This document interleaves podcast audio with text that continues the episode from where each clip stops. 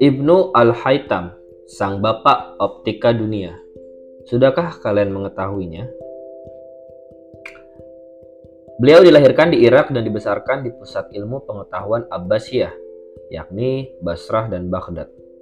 Sejak kecil, beliau memang telah piawai dalam berbagai bidang ilmu pengetahuan seperti matematika, sains, pengobatan, bahkan filsafat. Mengawali karirnya sebagai seorang pegawai pemerintahan, akhirnya beliau berhenti dan meneruskan kecintaannya terhadap ilmu pengetahuan. Tak lama setelah itu, ia kemudian juga beralih menjadi seorang cendekiawan muslim yang tersohor di seluruh penjuru negeri.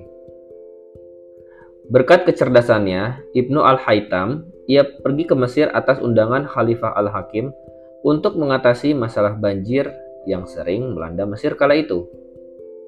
Namun, ia gagal karena keterbatasan alat dan teknologi, sehingga menyebabkan harus berpura-pura gira agar terlindung dari amarah sang khalifah.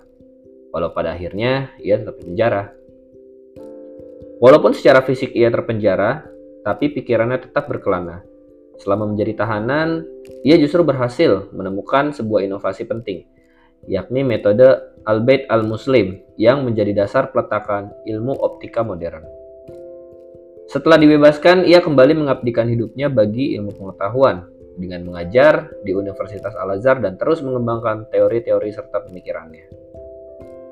Tulisannya yang tersohor dan revolusioner, Kitab Al-Manazir, menjelaskan penemuannya mengenai mekanisme penglihatan manusia.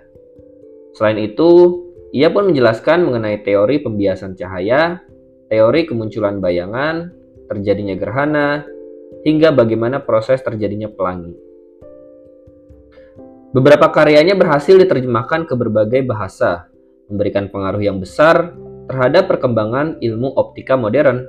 Bahkan, para ahli sains barat pun terinspirasi oleh Ibnu Al-Haytham dalam menciptakan sebuah karya seperti teleskop dan mikroskop.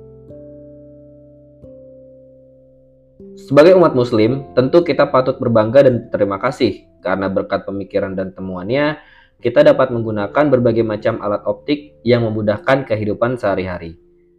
Tapi sebagai umat muslim pula, kita harus belajar dan menjadikan ini sebagai motivasi bahwa kita sebagai umat muslim tidak hanya bisa untuk berkontribusi dalam agama, tetapi juga dalam ilmu pengetahuan. Semoga kita bisa mengambil pelajaran di dalamnya.